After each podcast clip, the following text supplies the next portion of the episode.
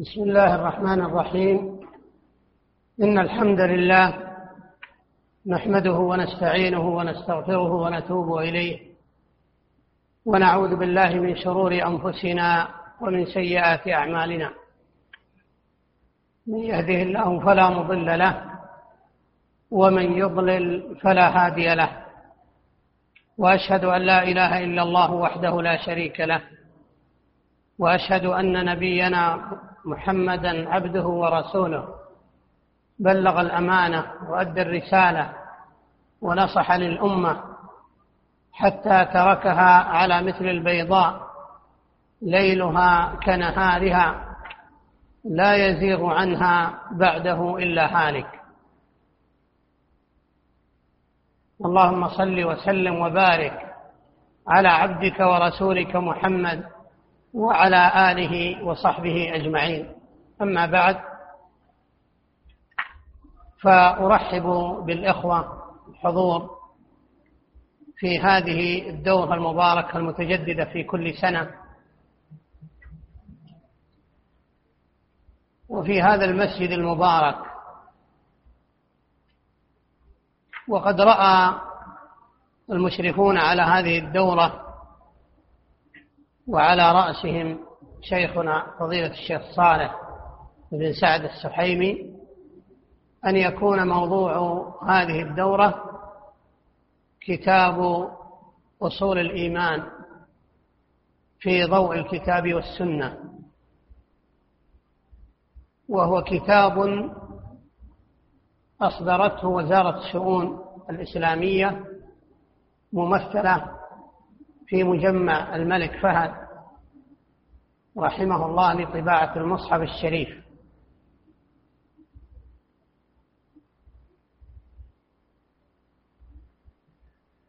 وقد كنت ممن شرفه الله بالمشاركة في تأليف هذا الكتاب مع صاحبي الفضيلة فضيلة شيخنا الدكتور صالح بن سعد السحيمي وفضيلة الشيخ الأستاذ الدكتور عبد الرزاق بن عبد المحسن البدر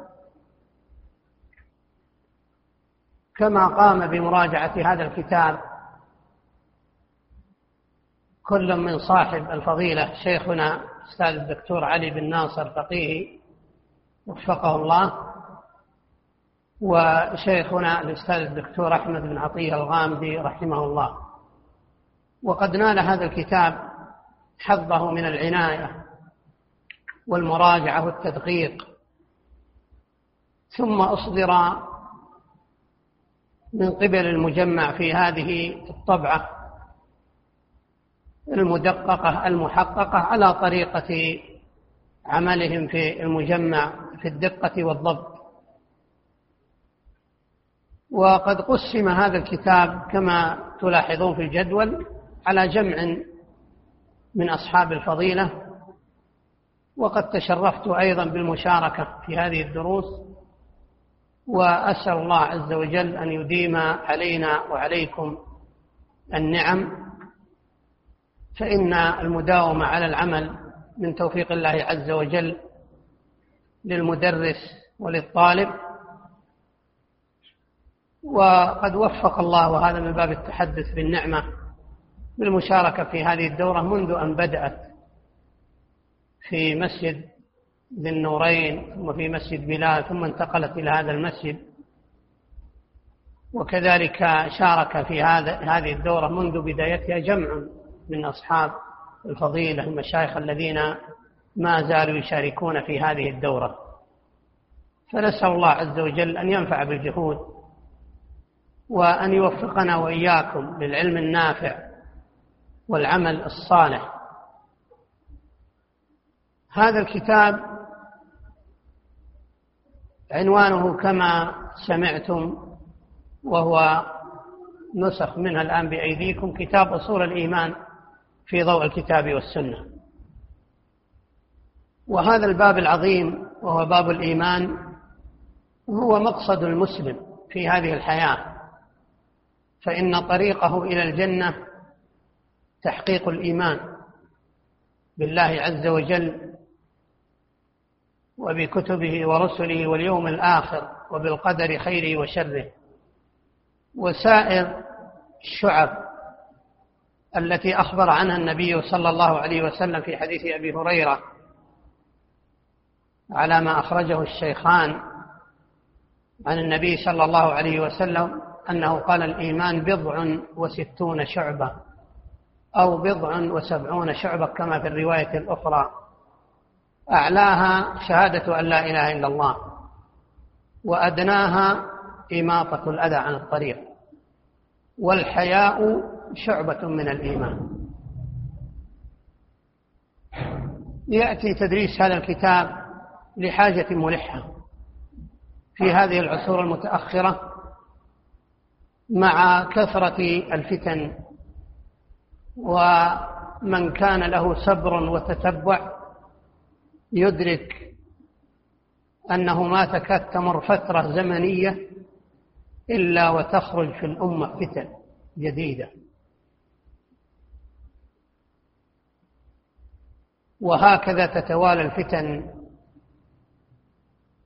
ويهلك فيها من هلك وينجو من نجا. والتوفيق بيد الله عز وجل. وأصبح المؤمن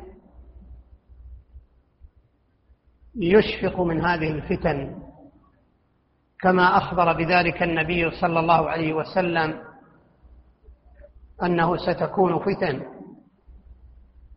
فإذا جاءت الفتن قال المؤمن هذه مدركتي هذه مهلكتي حتى تنجلي. وما زال السلف يخافون على أنفسهم من الفتن وما زال أهل الحرص على دينهم يخشون من هذه الفتن. وهذه الفتن متنوعة ليس لها طريق واحد كما ترون وليس لها مسلك واحد. ودعاتها متلونون متنوعون. كل يدعو إلى مسلك وطريق. فما من بدعة وجدت في صدر الأمة. ثم ما جاء بعدها من البدع التي مضت في العصور السالفة من عصور هذه الأمة إلا وهي موجودة اليوم ولها دعاتها. بل وجد من التفرق والاختلاف حتى بين أهل السنة ما هو معلوم ومشهود. وهذا لا ينكره من كان له تتبع وعقل وإنصاف إن هناك تفرق اختلاف. والمسلم لا يمكن أن يعرف الحق بتزيين كل داعية لما يدعو إليه. لأن كل داعية يزين دعوته. ولربما انتسب كثير من الدعاة للباطل للكتاب والسنة. كما ذكر شيخ الإسلام ابن تيمية إنه ما من طائفة من أهل البدع إلا وتنتحل مذهب السلف ومذهب السنة. إلا ما كان من الرافضة الذين عرفوا بالمعاندة والعداء لمذهب السلف وإلا فعامة الطوائف حتى الخوارج يدعون العمل بالقرآن.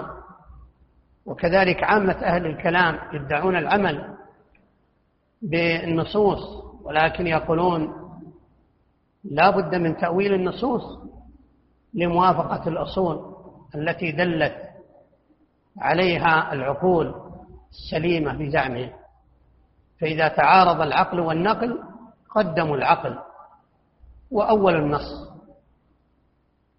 وكذلك من دونهم وهذا يقوله غلاة أهل الكلام. وكذلك من هو دونهم في الغلو والانحراف من الأشاعرة والكلابية والماتريدية. يشاركونهم في بعض هذه الأصول وفي تأويل بعض الصفات.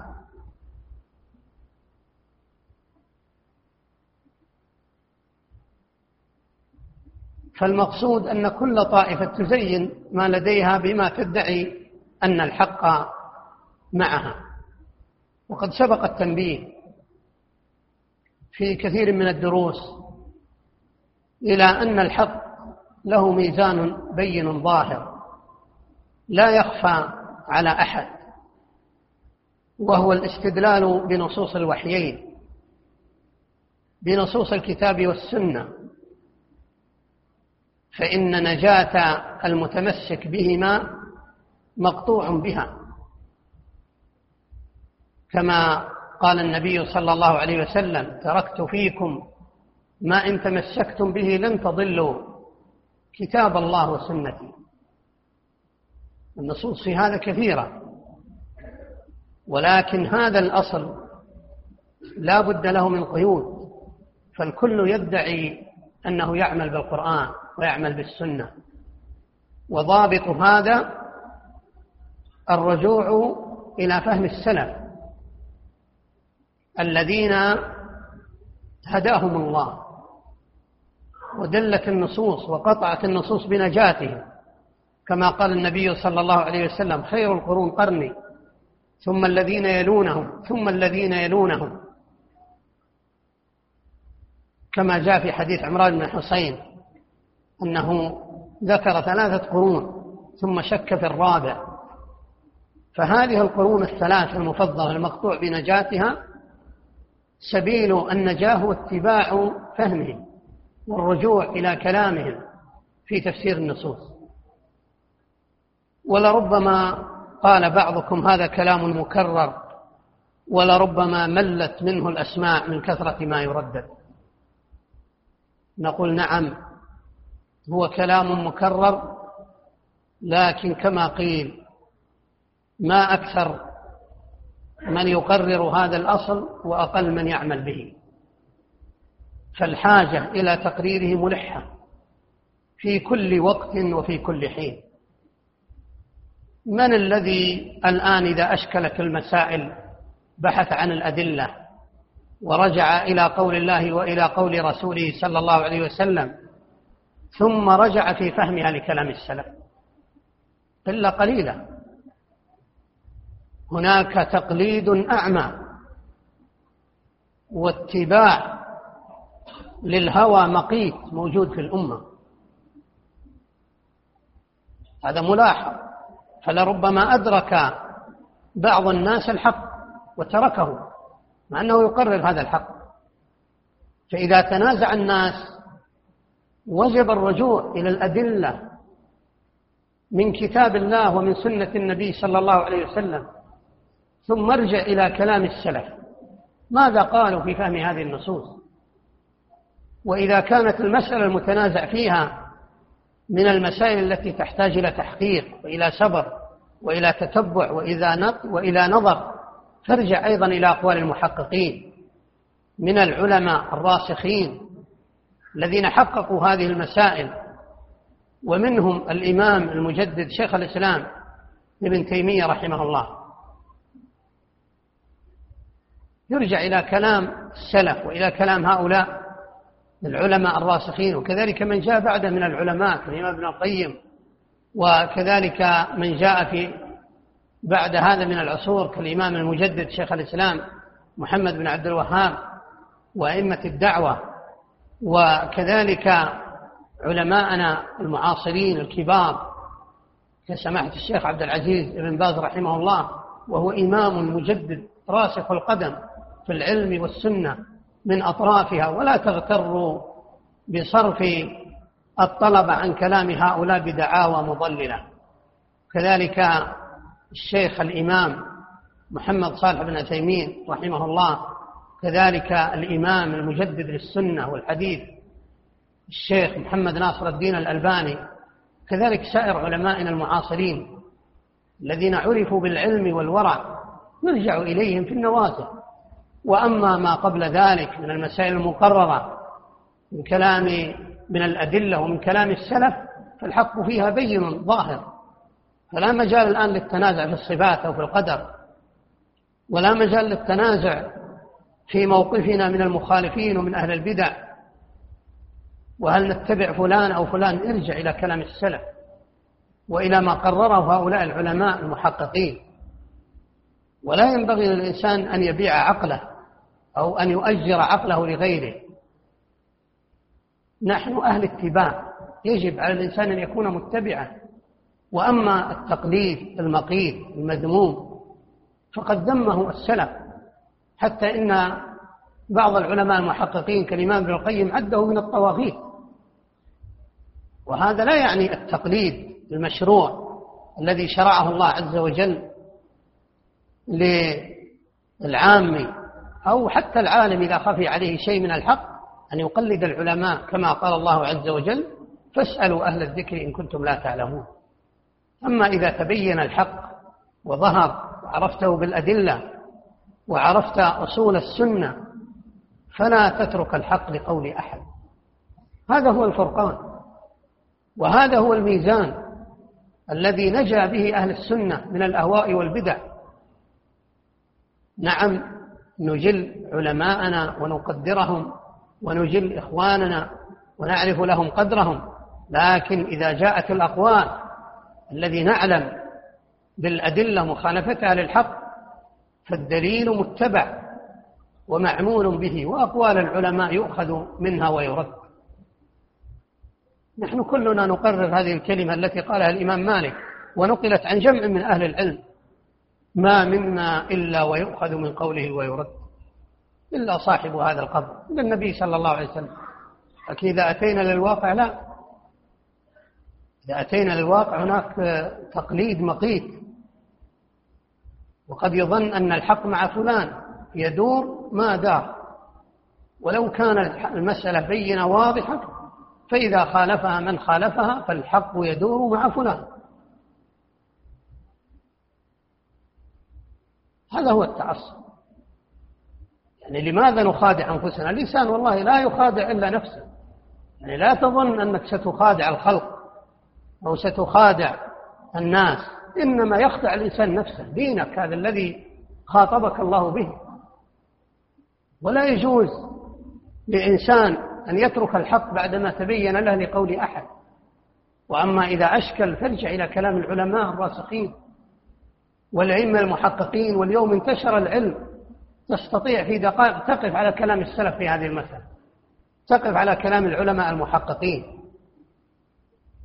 وهذه المسائل إذا نصحنا ووجهنا الطلبة لها خوصمنا كما خوصم من قبلنا ممن يدعو إلى الحق والتجرد فهذا سبيل مسلوك ما من أحد نصح للناس وأحب الخير لهم ودعاهم إلى اتباع النصوص إلا خالفه أهل الأهواء على اختلاف مشاربهم يرمونه عن سهم واحدة لأنه يخالف أهواءهم.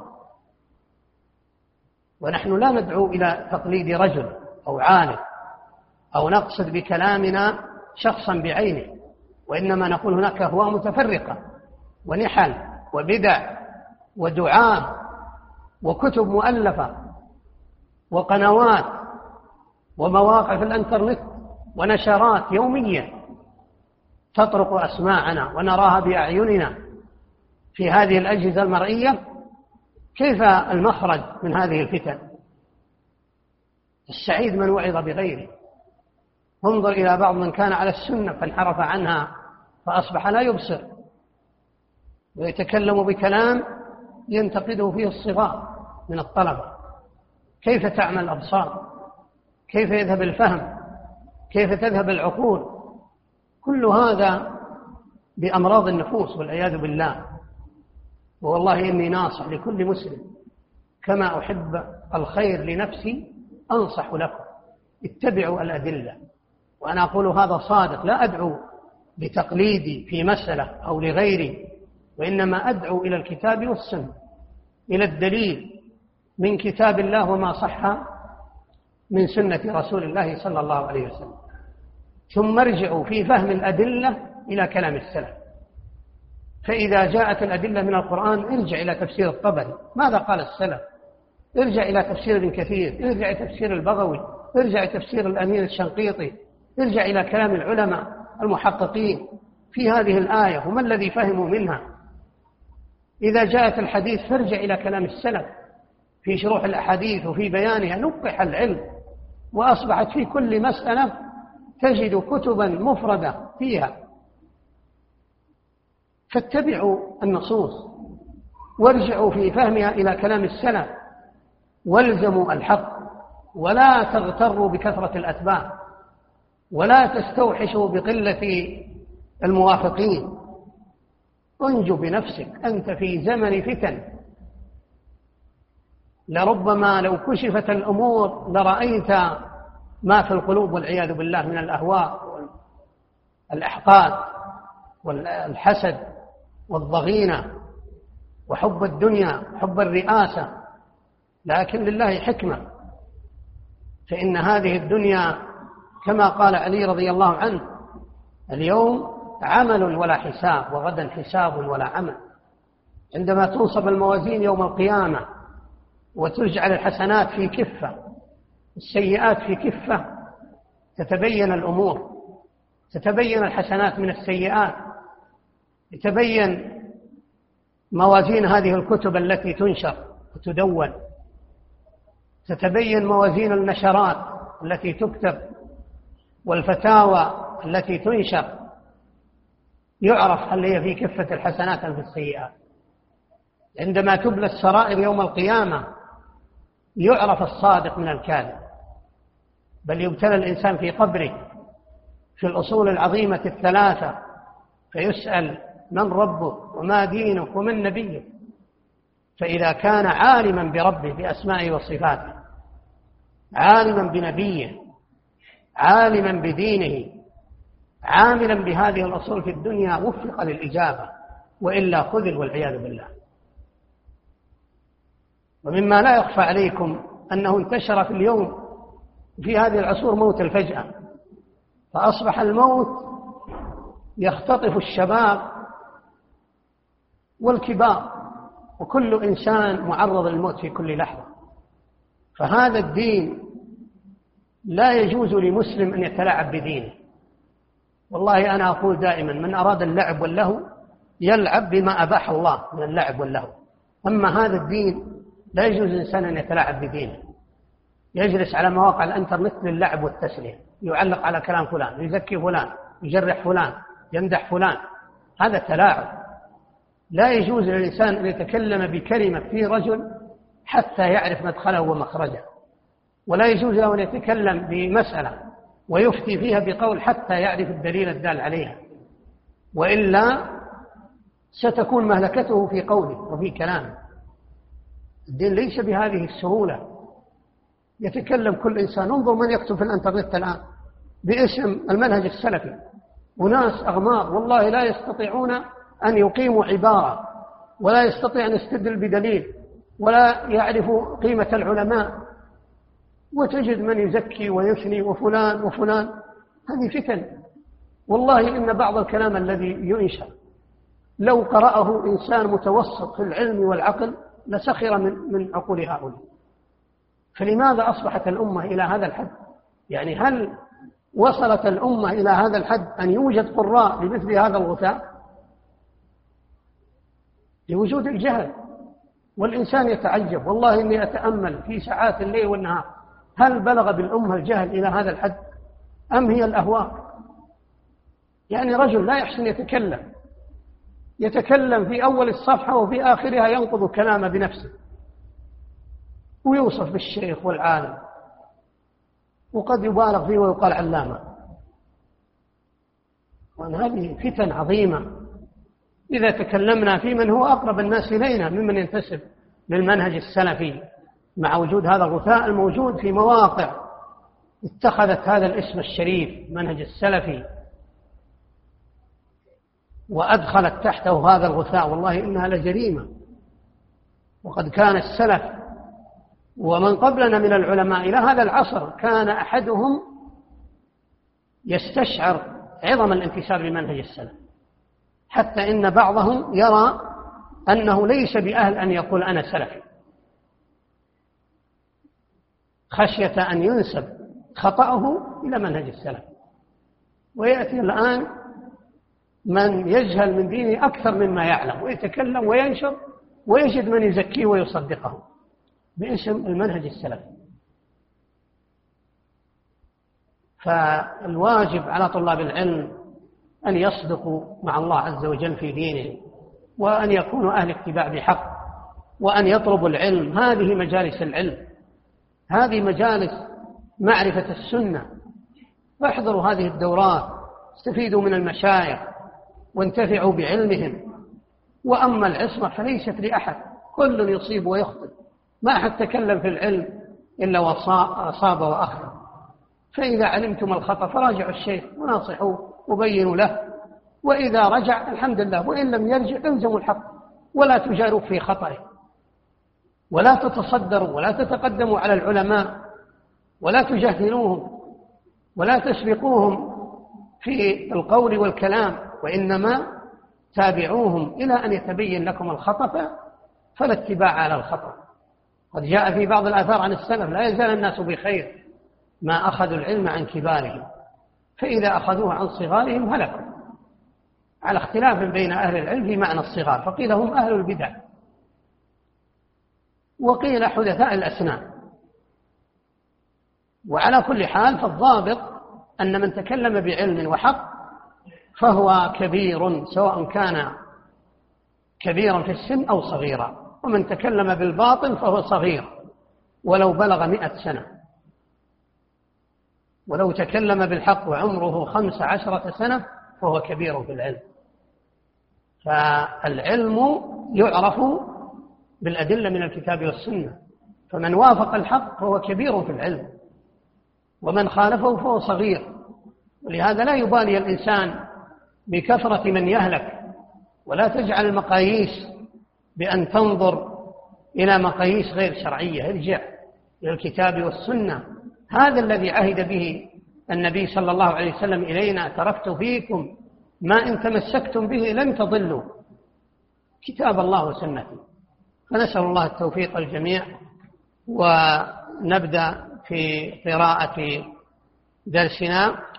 وهذا الوقت من الدورة مخصص لدراسة ما يتعلق بباب الأسماء والصفات وكذلك أضيف لنا في هذا الدرس أيضا جزء القدر بعد اعتذار فضيلة الشيخ الفاضل دكتور سليمان الرحيلي بظروف خاصة عن مشاركة الدورة وهو يعتذر إليكم. فلعل الله عز وجل آه، أن يبارك في الوقت وأن نستوفي هذه الأجزاء المحددة لنا ونسأل الله عز وجل أن يوفق المشايخ جميعا في استيفاء هذا الكتاب وأن يوفقكم أنتم أيضا لمتابعة هذه الدروس والاستفادة منها. وأنا دائما أقول أيضا لإخواننا من طلاب العلم الذين يحضرون هذا الدرس أن يناصحوا إخوانهم. وأنا أول من يطلب النصح إذا أخطأنا في كلمة وسبق اللسان إليها أو حصل تقرير لمسألة يرى طلاب العلم أنها مخالفة للحق فوالله إني أعلن قبولي للنص وأدعو لمن يناصح لكن مع الآداب المعروفة لطلاب العلم في هذا الباب. فنسأل الله التوفيق للجميع.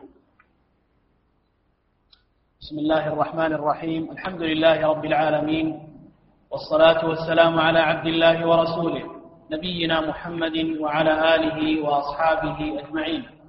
أما بعد فهذه قراءة في كتاب أصول الإيمان في ضوء الكتاب والسنة لنخبة من العلماء. الفصل الثالث توحيد الأسماء والصفات ويشتمل على تمهيد وثلاثة مباحث. التمهيد الإيمان بالأسماء والصفات وأثر ذلك على المسلم. المبحث الأول تعريفه وأدلته. أولا تعريفه. ثانيا المنهج الحق في إثباته. ثالثا أدلة هذا المنهج. المبحث الثاني أمثلة تطبيقية لإثبات الأسماء والصفات على في ضوء الكتاب والسنة. المبحث الثالث قواعد في باب الأسماء والصفات. نعم كما تلاحظون في هذا الفصل والمتعلق بتوحيد الأسماء والصفات أن بناء دراسة هذه المسألة يعني قسمت إلى ثلاثة مباحث المبحث الأول في التعريف والأدلة. والثاني في أمثلة تطبيقية لإثبات الأسماء والصفات. والثالث قواعد في باب الأسماء والصفات.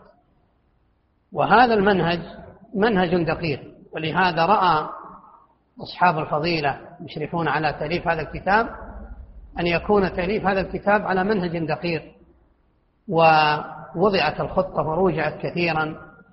فهذا مما يستفيد أيضا من طلاب العلم في بحث المسائل وأن تكون على آه، منهج صحيح في دراسته هذا الكتيب الذي بين أيديكم بذلت فيه جهود وراجعه كبار المشايخ ثم روجع من قبل أيضا لجان من الوزارة ثم روجع مراجعة دقيقة من أصحاب الفضيلة في المجمع وعلى رأسهم فضيلة شيخنا الشيخ علي بن ناصر الفقيهي إلى أن خرج هذا الكتاب في هذه الأوراق التي تلاحظونها كم بذل فيه من الجهد؟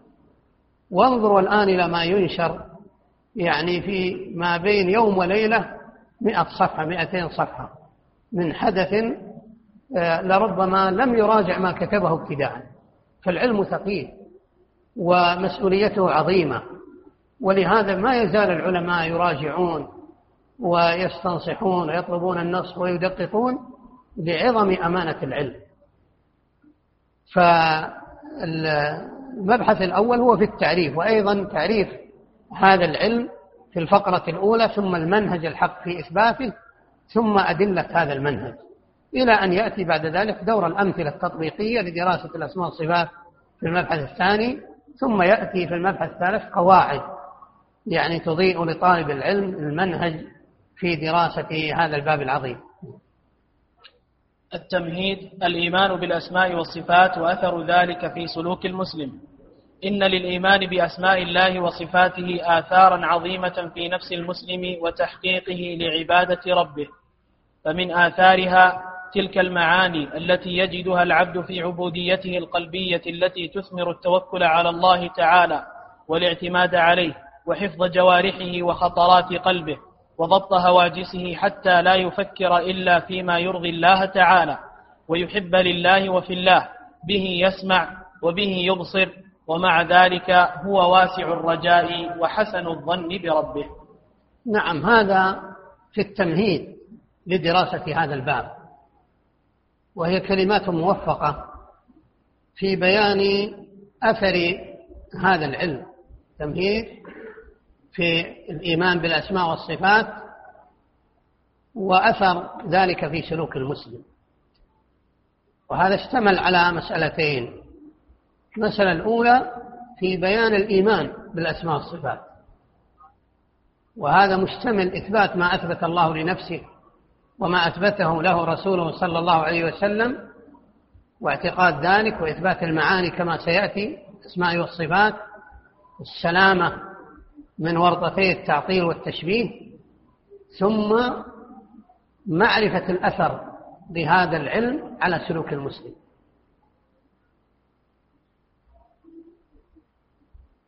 إن للإيمان بأسماء الله وصفاته آثارا عظيمة في نفس المسلم وتحقيقه لعبادة ربه. نعم.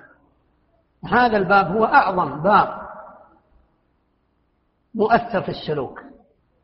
وإذا لم يؤثر هذا الباب في السلوك فلا يظن أن الهمم سترتقي إلى أمر من الأمور المؤثرة في السلوك فوق هذا الأصل.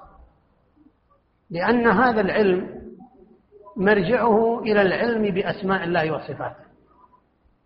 مرجعه إلى العلم واعتقاد المسلم عندما يتكلم أو ينطق أو يتحرك يعلم أن ربه سميعا بصيرا.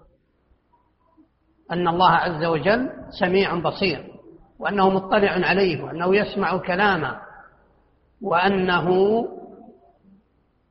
وأن الله لا يخفى عليه خافيا مما تختلجه القلوب من المقاصد والإرادات. فلا يبقى بعد ذلك هناك أثر لشبهة ولا أثر لرياء أو سمعة لمن علم أن ربه مطلع على ما في قلبه. ولهذا لو أن الناس درسوا هذا الباب دراسة صحيحة واعتقدوا ما دلت عليه النصوص في هذا الباب لأثر هذا في سلوكهم في أقوالهم وفي كلامهم كما أثر في السلف. فمن آثارها تلك المعاني التي يجدها العبد في عبوديته القلبية التي تثمر التوكل على الله. لاحظوا العبودية منقسمة على القلب وعلى الجوارح وعلى اللسان. وهذا العلم هو مؤثر في القلب ومؤثر على اللسان ومؤثر على الجوارح. فمن آثارها تلك المعاني التي يجدها العبد في عبوديته القلبية التي تثمر التوكل على الله. التوكل على الله الذي هو سلاح المؤمن سلاحه في عبادته لله. إذا عبد الله تذكر أنه فقير ضعيف كما شرع الله لنا في سورة الفاتحة التي نقرأها في كل ركعة من ركعات صلواتنا الواجبة والنافلة فنقول إياك نعبد وإياك نستعين. التوكل هو سلاح المسلم في جهاده لأعداء الله. التوكل هو سلاح المسلم في طلبه للعلم.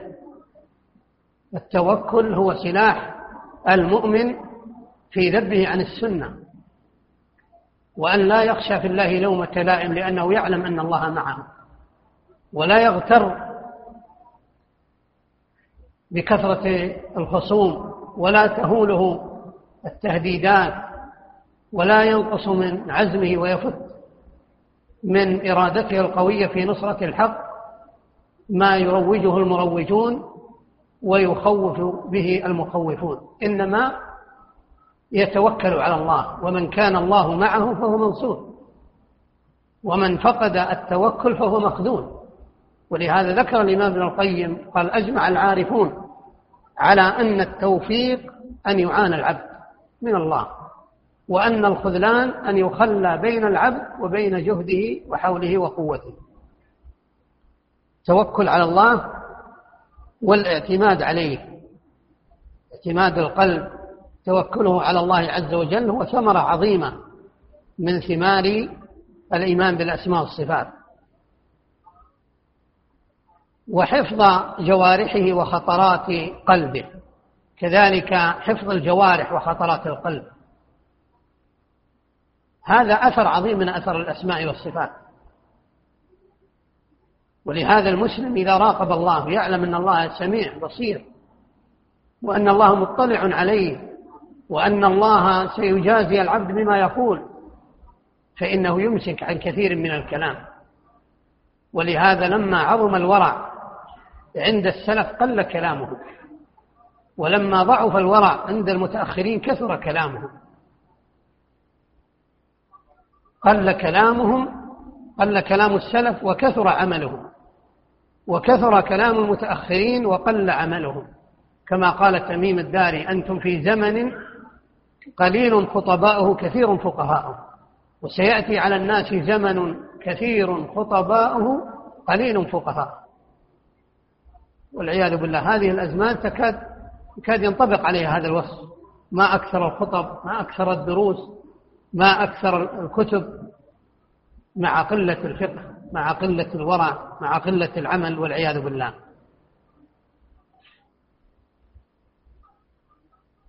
وضبط هواجسه حتى لا يفكر إلا فيما يرضي الله تعالى حتى خطرات النفس. المؤمن يدفعها قبل أن تصبح إرادة أو عزيمة. إذا خطر خاطر سوء فاعرض هذا على الكتاب والسنة. فإذا وجدته من خواطر السوء فادفعه فإن هذا الخاطر سينمو وسيقوى إلى أن يصبح إرادة وعزيمة ثم يثمر العمل. ويحب لله وفي الله. يحب لله وفي الله. هذه الشعبة العظيمة من شعب الإيمان هي من أعظم ثمار العلم بالأسماء والصفات. يحب في الله ولله يحب في الله ويبغض في الله. كيف يحب في الله ويبغض في الله؟ يحب من أطاع الله ويبغض من عصى الله. ويكون هذا بناء على علمه بالطاعة والمعصية. لهذا دائما نحن نقول كيف الإنسان يعرف الخير من الشر؟ كيف يعرف أهل الخير من الشر؟ لا يمكن أن يعرف هذا إلا بالكتاب والسنة. ونقصد بالخير المشروع. وأما الخير الذي تدركه العقول فإنه مما هو معلوم ومقرر عند أهل السنة أن العقول تدرك الحسن والقبح في بعض الأمور. وأما فيما شرع لنا من الدين فإن العقول قد تقصر عن معرفة الحكمة. وهذا منهج متوسط لأهل السنة والجماعة بين من يبالغ في تحسين العقل وتقبيحه وهم المعتزلة وبين من ينكر تحسين العقل وتقبيحه وهم الأشاعرة. فأهل السنة وسط بين هذه الطوائف في هذه المسألة. فالميزان في الحب والبغض هو أن ترجع إلى أقوال الرجل وإلى أفعاله وإلى ما يقرر. فإن وجدته موافقا للحق فهنا المحبة في الله لموافقته للحق. وإن خالفه فأنت تبغض منه المخالفة. وهذا الميزان لا يمكن أن يضبط إلا بالأدلة من الكتاب والسنة ولا يمكن للإنسان أن يكون متبعا للحق إلا بأن يكون صاحب عزيمة صادقة في أن يحقق هذا الأصل بناء على ما دلت عليه الأدلة. فلا يخادع الإنسان نفسه. واحذر أن تحب من يرديك يوم القيامة في المهالك فإن المرء مع من أحب.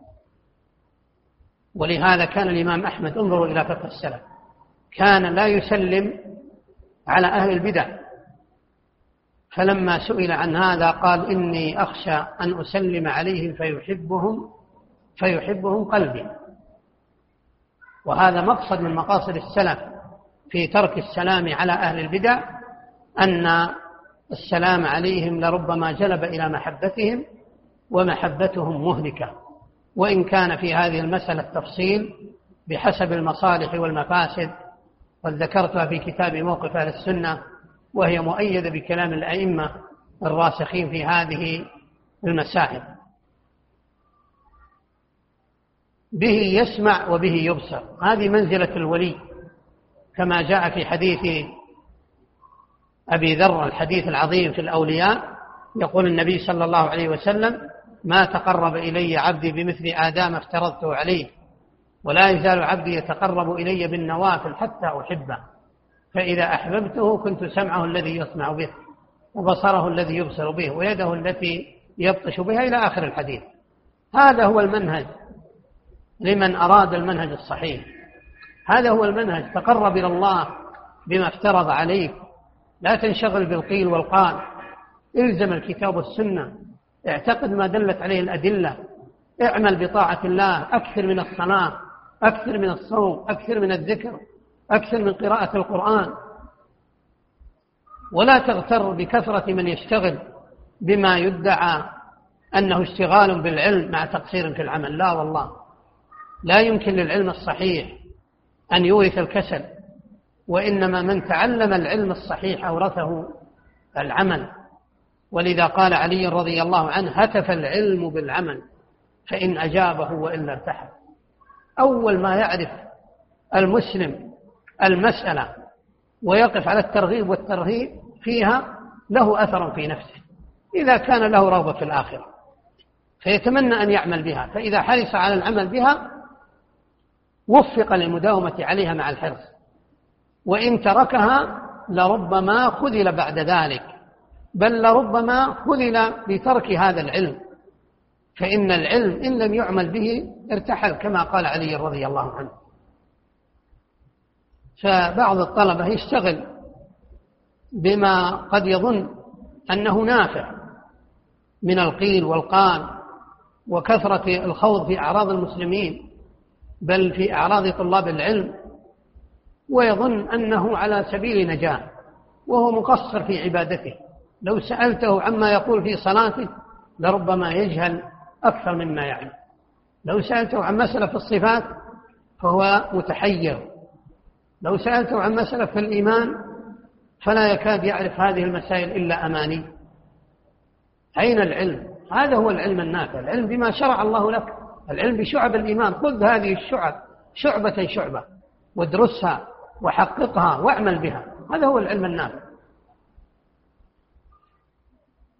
ثم راقب الله عز وجل فإذا داومت على هذا ستكون لك العصمة التي ذكرها الله عز وجل ووعده صدق لا يتخلف لكن الخلف يحصل منا.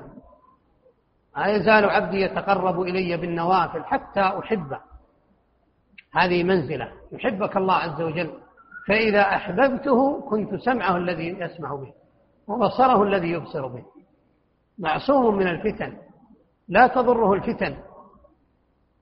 لأن الله قد عصمه. لا يكاد يسمع إلا بما يرضي الله. إذا سمع البدعة اشمأزت نفسه منها. إذا سمع المعصية نفر منها. إذا سمع الكلمة الباطلة له نفور منها. إذا سمع الهدى والحق أقبل عليه. به يسمع وبه يبصر. كيف به يسمع وبه يبصر؟ بأن يعرض الأقوال والمسائل على كتاب الله وعلى سنة رسول الله صلى الله عليه وسلم. ومع ذلك هو واسع الرجاء وحسن الظن بربه. مع اجتهاده في العمل هو حسن الظن بربه عز وجل ويعلم أن ربه غفور رحيم مع خشيته أيضا من عقوبته. هذه المعاني وغيرها مما يتعلق بالإيمان بمعاني الأسماء والصفات تثمر العبودية الظاهرة والباطنة على تفاوت بين شخص وآخر وذلك فضل الله يؤتيه من يشاء. نعم على قدر علم الإنسان. بهذا الباب بباب الأسماء والصفات تثمر هذه المعرفة وهذا العلم العبودية الظاهرة والباطنة وعلى قدر جهله يحصل الخلل. ولهذا لو أن الناس حققوا العلم بباب الأسماء والصفات ما تجرأ أحد على معصية. لأن الذي يعلم هذا الباب يعلم عظمة الرب. يقول الإمام الشافعي إذا هممت بمعصية فلا تنظر إلى صغر الذنب ولكن انظر إلى عظم من تعصي. يعني من تعصي؟ تعصي من قلبك بين إصبعين من أصابعه تعصي من العروق والدم الذي يسري في عروقك بيده.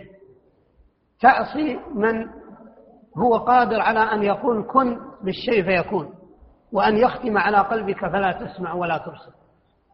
وقادر أن يكتب لك الهداية والنجاة. إذا هنا مبارزة لرب العالمين. معاندة لخالق الأرض والسماء بمن بيده مقاليد الأمور. أنت لا تعارض عالما. ولا تنازع يعني صديقا أو قريبا وإنما هي منازعة بالله في دينه. انظر إلى عظم الأمر. انظر إلى هذه المسألة. إذا قلت هذا حق وهذا باطل هذا حلال وهذا حرام. هذه سنة وهذه بدعة. هذا صاحب سنة وهذا صاحب بدعة. تتكلم بلسان من؟ تتكلم باسم الشرع. ولهذا الإمام ابن القيم سمى كتابه أعلام الموقعين عن رب العالمين. يعني ينبغي أن ندرك خطورة الأمر. الإنسان لا يعبر عن رأيه. لك أن تعبر عن رأيك في طعامك وشرابك. أنا أحب كذا وأكره كذا. لكن إذا قلت هذه سنة هذه بدعة هذا حلال هذا حرام هذا مبتدع هذا صاحب سنة أنت مسؤول عن هذه الكلمة. فإما أن يعلم الله منك الصدق والإصابة فأنت إمام تصدع بالحق تنزل أحكام الله على عباد الله. وإما أن يعلم الله منك ما في نفسك. فالإنسان لا يخادع الناس ويبرر كلامه ويحسن الاستدلال ويتقعر في الكلام أمام الناس. أنت تراقب رب العالمين. لو استشعر الناس خطورة الأمر والله أمسكوا عن كثير من الكلام. إذا كان الناس اليوم في مجلس واحد والله الواحد منا الآن لا يعلم ما في قلب جليسه. ورب العالمين فوق عرشه يعلم ما في قلوبنا الآن. يعني الآن إذا تأمل الإنسان خطورة هذا الأمر لا مجال للمخادعة في الإرادات والمقاصد ولا مجال للمخادعة في الكلام والألفاظ ولا مجال لتزيين الباطل بأنواع الحيل التي يحتال بها على الناس. مراقبة لرب العالمين. وعند ذلك والله سيفضي هذا الأمر إلى منزلتين إما منافق وإما مؤمن. يعني من أظهر الخير وأبطن الشر من هو؟ هذا النفاق. كان السلف كان أصحاب النبي صلى الله عليه وسلم إذا لاحظ تغيرا عن حاله التي كانت في المسجد وتغير حاله عندما يخالطون آه، الأهل والنساء والأولاد يأتي أحدهم للنبي صلى الله عليه وسلم ويقول نافقت. يرى تغير حاله. نرى اليوم من يتكلم في مجلس بكلام وفي مجلس آخر له كلام آخر. يتكلم بكلام في كتاب وفي كتاب آخر له تقرير آخر. المسألة يتكلم بها فلان وفلان. هي من فلان صواب وسنة وهي من فلان بدعة وضلالة. سبحان الله. لكن من الذي يدرك هذا؟ الذي يدرك الذي يعرف الحق. ولهذا يجب للأمة أن تفيق من هذه الفتن وأن ترجع إلى دراسة الكتاب والسنة وأن يتجردوا في تقرير الحق. نعم هناك اختلاف بين الناس في الفهم لا ينكر. كلنا نصيب ونخطئ. تراجعني وأراجعك أصيب وأخطئ وأنت تصيب وتخطئ. لكن على العاقل أن يراقب الله أن لا يطلع الله عليك. وعلى قلبك من أنك تريد بدعة أو ضلالة أو هوى أو تنصر هذه المسألة لهوى. فإذا سلمت من الهوى فأنت على خير. قد يكون الإنسان نقصه في الجهل والجهل إن شاء الله معذور عند الله إذا اجتهد ولكن الهوى هذا داء خطير. عندما يدخل فيه الإنسان لا يكاد يخرج منه. انظر إلى الفلاسفة إلى المتكلمين أذكى الناس. لهم ذكاء وفطنة ولهم مؤلفات انبهر الناس بعقولهم ولكن لم ينتفعوا بهذه العقول. فلك عبرة ما الذي ضلت به تلك العقول؟ التي انبهر الناس بها في كثير من العلوم في الطب وفي الصيدلة وفي الهندسة وفي كثير من الأمور لكنها في باب التوحيد تجد الجهل المطبق حتى بتوحيد الربوبية. فهذه المعاني مثمرة للعبادة. كيف لمسلم يحقق الأسماء والصفات؟ يصر على المعصية ويصر على الباطل بل في نفسه هوى ويصر عليه الدهر. كلنا نضعف ممكن الإنسان في مجلس والله يضعف ويقول كلمة يجامل بها فلان أو فلان لكن إذا رجع إلى بيته وخلى بنفسه وتذكر القبر تذكر ظلمة القبر تذكر أنه فريد الآن ليس حوله أناس. قام صلى الليل تذكر ذكر الله رجع إليه إيمانه. يرجع اليوم الثاني يقول والله أنا كنت مخطئ. قلت في ذلك المجلس كلمة أستغفر الله وأتوب إليه. كم رجع من العلماء في كتبه؟ كم رجعوا في دروسهم كم رجعوا عن كلام؟ قد يقال أنه فضيحة يقول العالم والله أنا. أنا غلطان. ما ضرهم؟ بل رفعهم عند الله. فهكذا طريق العلماء. العلم بالأسماء والصفات مثمر للمراقبة لله عز وجل مثمر للعبادة الصحيحة مثمر للإخلاص مثمر للمتابعة مثمر لطلب العلم مثمر للتدريس على المنهج الصحيح وعلى الطريقة الصحيحة. نعم. فلاسمه الغفار أثره العظيم في محبته وعدم اليأس من رحمته ولاسمه شديد العقاب أثره الكبير في خشيته وعدم الجرأة على محارمه. وهكذا لأسمائه الأخرى وصفاته آثارها بحسب دلالاتها المتنوعة في نفس المسلم واستقامته على شرع الله بل وتحقيق محبته في القلوب التي هي أساس سعادة المسلم في الدنيا والآخرة ومفتاح كل خير وأعظم عون للعبد على عبادته لربه على أكمل الوجوه. إذ الأعمال الظاهرة تخف وتثقل على النفس بحسب المحبة القلبية لله تعالى.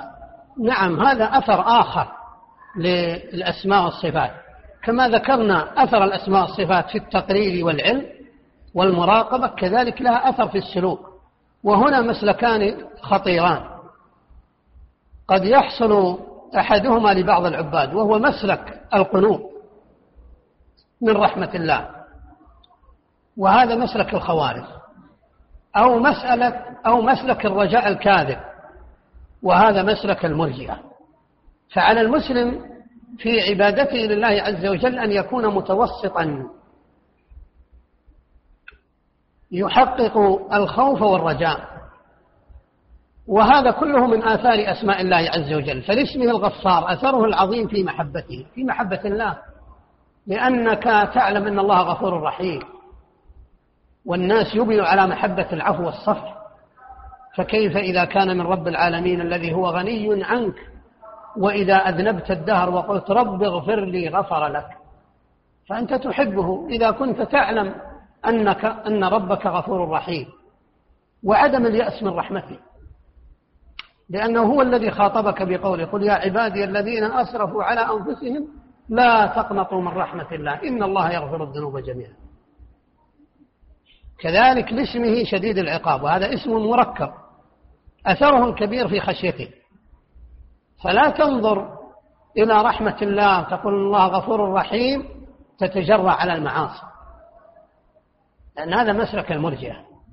وإنما استعن بمعرفتك لأسماء الله عز وجل وصفاته على محبته وتعظيمه وإجلاله ومراقبته. وإذا نزغ الإنسان نزغ من الشيطان قال إن الله غفور رحيم والمعاصي يسيرة في رحمة الله ولا تضرك المعصية إن ربك غفور رحيم. فتذكر أنه شديد العقاب. كما أنه غفور رحيم هو شديد العقاب. والضابط لمعرفة الخوف الصحيح والرجاء الصحيح هو تأمل إذا رجوت الله بأسمائه وصفاته. فما, فما الذي يتبع هذا الرجاء؟ فإذا وجدت أن العمل يتبع الرجاء وأنك مجتهد في طاعة الله فرجاؤك رجاء صحيح. وإذا كان هذا الرجاء أثمر الكسل والتهاون وأن الله غفور رحيم فاعلم أن هذا من الشيطان. كذلك الخوف. إذا حملك على الطاعة إذا ذكرت بعظمة الله بأن الله شديد العقاب ما الذي يتبع هذا؟ فإذا تخرج من الدرس الذي خوفت الله عز وجل فيه وتقول والله سأجتهد اليوم سأفعل وغدا سأفعل تجتهد في طاعة الله عز وجل فاعلم أن هذا الخوف صحيح. وأما إذا كان هذا الخوف يحمل على اليأس يقول إذا كان الله شديد العقاب هلكنا ولا ينفع العمل فهذا من الشيطان. فالرجاء الصحيح ما حمل على الطاعة والخوف الصحيح ما منع من المعصية. وعدم الجرأة على المحارم. أيضا الخوف يعني يحمل على الخشية وعلى المنع وعدم الجرأة على المعاصي والمحارم. وهكذا لأسمائه الأخرى وصفاته آثارها بحسب دلالتها المتنوعة في نفس المسلم. كل اسم له أثر على المسلم. الرحمة مؤثرة صفة الرحمة لله عز وجل مؤثرة في اعتقاد صحيح في المسلم. عندما تعلم أن الله عدل حرم الظلم على نفسه أنت لا تظلم. وتعلم أن الله يكره الظلم. ولو كان هذا الظلم لعدو تبغضه فأنت لا تظلم. بل تعدل فيه. وهكذا كل صفة من صفات الله عز وجل تثمر استقامة العبد على طاعة الله.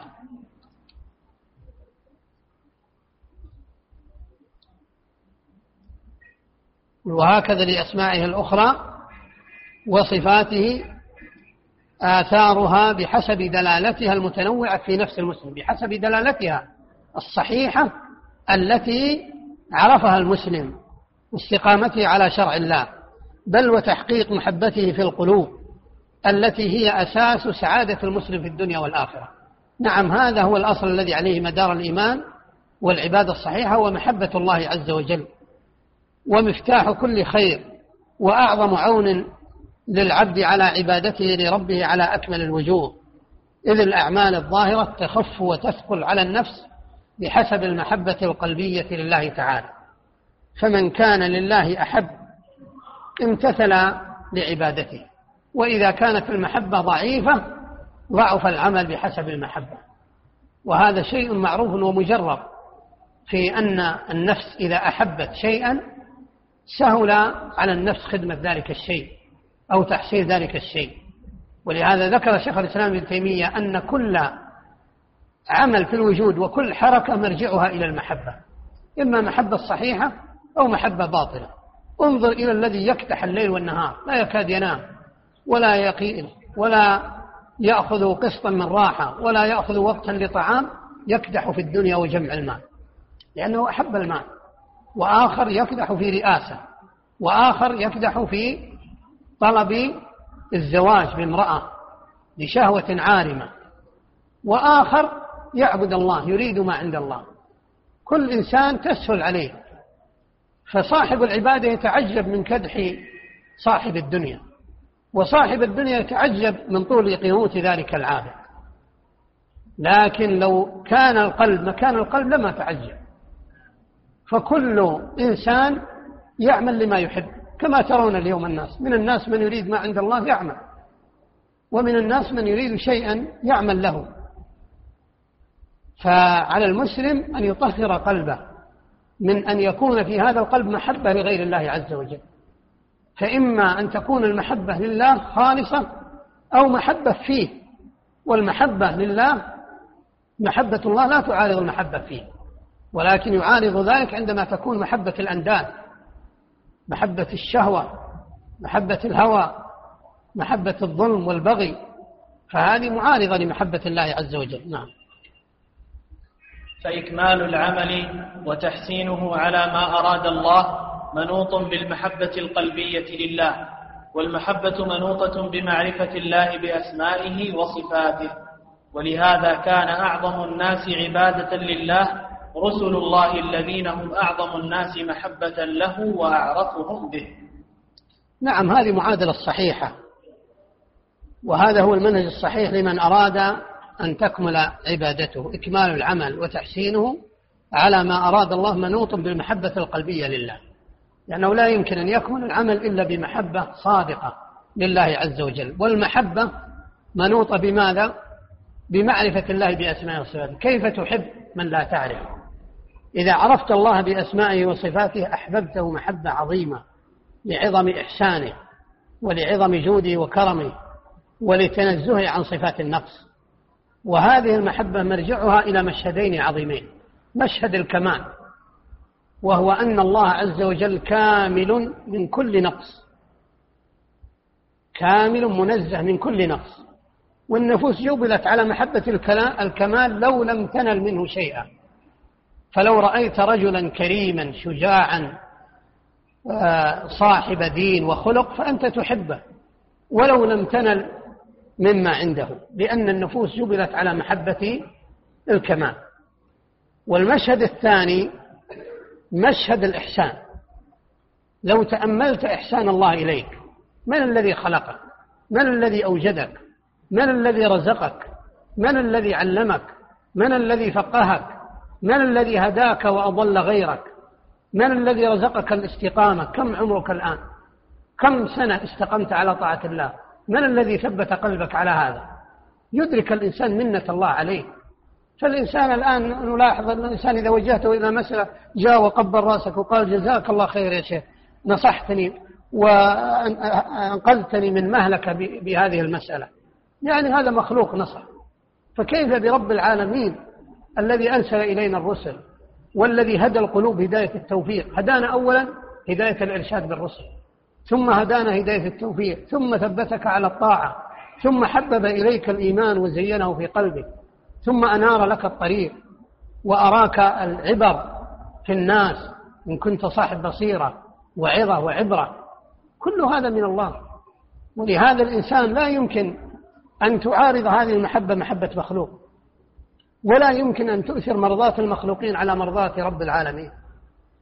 مرضاته مقدمة على مرضاة غيره محبته مقدمة على محبة غيره شكره مقدم على شكر غيره.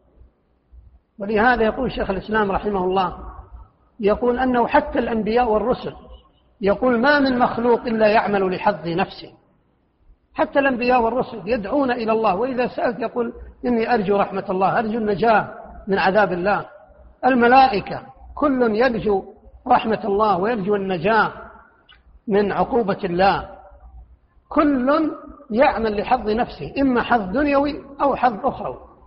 وأما الذي يحسن عن إحسان وتفضل من غير حاجة فهو رب العالمين. يعني لو نظر الواحد منا الآن من أنت في الإنس والجن؟ فلان ابن فلان من أنت؟ لا قيمة لك في خلق الله. لا تساوي شيئا. الله عز وجل يتودد إلينا في كل ليلة وينادينا ويسمع كلامك إذا توجهت إليه ويجيب دعاءك. وبينك وبينه صلة. إذا دعوت يقال دعاء معروف صوت معروف بأي شيء بطاعتك لله عز وجل. فإذا تأمل الإنسان إحسان الله إليه وهداية الله عز وجل له علم أن ربه مقدم على كل شيء وأن شرعه مقدم على كل قول وأن مرضاته مقدمة على مرضاة كل أحد وأن الإخلاص الذي يجب أن يكون في القلوب لله مقدم على مراءة الناس. من تراعي؟ من لا يملك لك نفعا ولا ضرا. إلى من تتقرب؟ تتقرب لمن لا يملك لنفسه نفعا ولا ضرا. الذي يملك النفع والضر الذي بيده العز والذل الذي بيده الخفض والرفع الذي بيده النجاة يوم القيامة هو رب العالمين. فوالله إن الإنسان يتأمل والعجب منا أنا أتعجب من نفسي قبل أن نتعجب من غيري عندما تنصرف قلوبنا إلى غير الله وعندما نعصي الله وعندما الإنسان قد يتهاون في شيء من أمر الله عز وجل. كيف للقلوب أن تنصرف؟ يعني عن الله عز وجل مع استشعار هذه المعاني العظيمة. ولهذا لما حقق الرسل هذه الأصول فهم أعلم بالله وأعظم الناس محبة لله عز وجل كانوا أعظم الناس عبادة.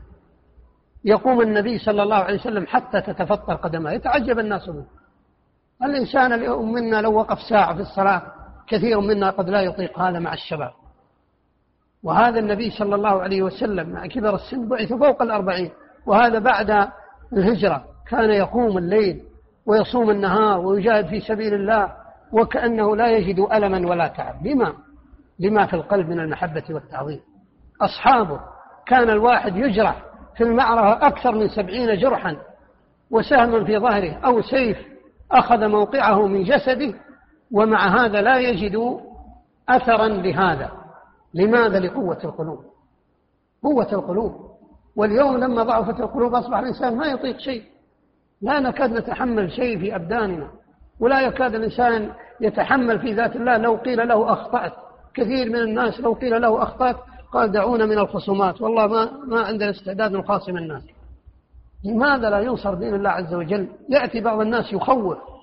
يقول أنا أخشى عليك. تتكلم في الناس. تقول في فلان أنا أخشى عليك. قلت له هل تؤمن بقول النبي صلى الله عليه وسلم واعلم أن الأمة لو اجتمعت على أن ينفعوك بشيء لم ينفعوك إلا بشيء قد كتبه الله لك. وأن الأمة لو اجتمعوا على أن يضروك بشيء لن يضروك إلا بشيء قد كتبه الله عليك. ألا نؤمن بهذا؟ إذا لماذا الإنسان يداهن في دين الله؟ لماذا يسكت عن الحق؟ لماذا لا ينصر السنة؟ لماذا لا يجاهد الله يجاهد الناس في عبادة الله عز وجل؟ يأمر بالمعروف ينهى عن المنكر على الضوابط الشرعية المعروفة. فإذا استشعر المؤمن يعني هذا الأمر أورثه العبادة الحقيقية وهذا هو الأثر العظيم لباب الأسماء والصفات. أن يثمر العبادة ليس المقصود بدراسة الأسماء والصفات أن تعرف قول الجهمية وترد عليه أو تعرف مقالة المعتزلة وتبطلها أن تعرف قول الأشاعرة وترد عليه. نعم بعد أن وجدت البدع. لا بد من معرفة الحق في مقابل باطل هؤلاء. لكن الثمرة العظمى لباب الأسماء والصفات هو أن نعبد الله بهذا الباب العظيم وأن نحقق عبودية الله عز وجل كل اسم. له أثر وكل صفة لها أثر في قلوب الناس. إذا استشعرت أن الله عز وجل مطلع على ما في القلوب وعلى في الصدور لا يمكن أن يصرف القلب إلى غير الله. إذا استشعرت أن الله يعلم ما تختلج به النفوس وما تنطق به الألسنة فأنت تراقب الله عز وجل. ولهذا ما أبعد الناس وما أبعد الجهمية والمعتزلة ومن عطل الأسماء والصفات عن عبادة الله. كيف تتصور لإنسان يعتقد أن الله لا يسمع ولا يبصر يقول اللهم اغفر لي بصوت منخفض في مسجد؟ كيف يستقيم؟ يعتقد أن ربه لا يسمع ولا يبصر ولا يتكلم وأنه ليس فوق العرش وأنه منزه عن هذه الصفات. إذا من تدعو من؟ تخاطب من؟ تراقب من؟ ولهذا يقول شيخ الإسلام ابن تيمية هؤلاء إذا قرروا التعطيل قال هذا مقتضى علمي ومعرفتي. وإذا جاءت العبادة لا يمكن أن ينفك عن العبادة. يقول هذا مقتضى ذوقي ووجدي. فيفصلون بين العلم وبين العبادة. وأما أهل السنة فأعبد الناس لله هم أعرفهم بهذا الباب. وهذا بخلاف هؤلاء المعطلة. فأعبد الناس هم أجهلهم بهذه البدع وأبعدهم عنها. ولهذا يقول شيخ الإسلام ابن تيمية وهو الخبير بهؤلاء يقول إن خيار أهل السنة علماؤهم وشرارهم عوامهم وخيار أهل البدع عوامهم وشرارهم علماؤهم لأنهم هم الذين أصلوا لهم الباطل. أما أهل السنة فكلما تدرج طالب العلم في هذا الباب وجدته عابدا لله عز وجل. ولهذا تجد بحمد الله الاستقامة في أهل العلم بصدق أكثر منها في غيره. تجد المراقبة فيهم أكثر من غيرهم لأنهم عرفوا الله عز وجل بأسمائه وصفاته. نتوقف عند هذا هذا والله تعالى أعلم. صلى الله وسلم وبارك على عبده ورسوله. بارك الله فيكم ونسأل الله عز وجل أن ينفعنا بما علمنا وأن يعلمنا ما ينفعنا. وردت إلى فضيلتكم بعض الأسئلة منها هذا السائل يقول آه، أنا ولله الحمد قد درست باب الأسماء والصفات من الناحية النظرية كثيرا غير أني لا أجد الأثر البارز لذلك على نفسي وفي خلواتي من حيث الخشية والمراقبة لله عز وجل فأرشدونا جزاكم الله خيرا. هذا لا يمكن أن تكون درست باب الأسماء والصفات ولا تجد له أثر أبدا. لكن الذي يظهر أن بعض الناس يدرس الأسماء والصفات مجرد يعرف الدليل على إثبات صفة السمع والبصر ولكنه لا يستشعر الأثر الذي يوجد في نفس المؤمن عندما يعتقد أن ربه سميع بصير. إذا الآن واحد منا تكلم بكلمة واستشعر أن الله سميع. يعلم أن الله يسمع كلامه يعلم أن الله مطلع عليه.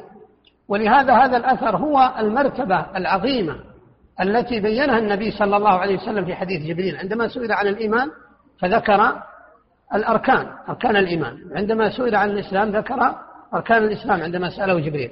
عندما سأله عن الإحسان ماذا قال؟ قال أن تعبد الله كأنك تراه فإن لم تكن تراه فإنه يراك. لم يذكر هنا شعبا جديدة ولم يذكر أعمالا جديدة وإنما ذكر كيفية عبادة المحسن. أن تعبد الله كأنك تراه. إذا قمت صليت تعلم أن الله عز وجل كأنك ترى الله بين عينيك وأنت لم تره.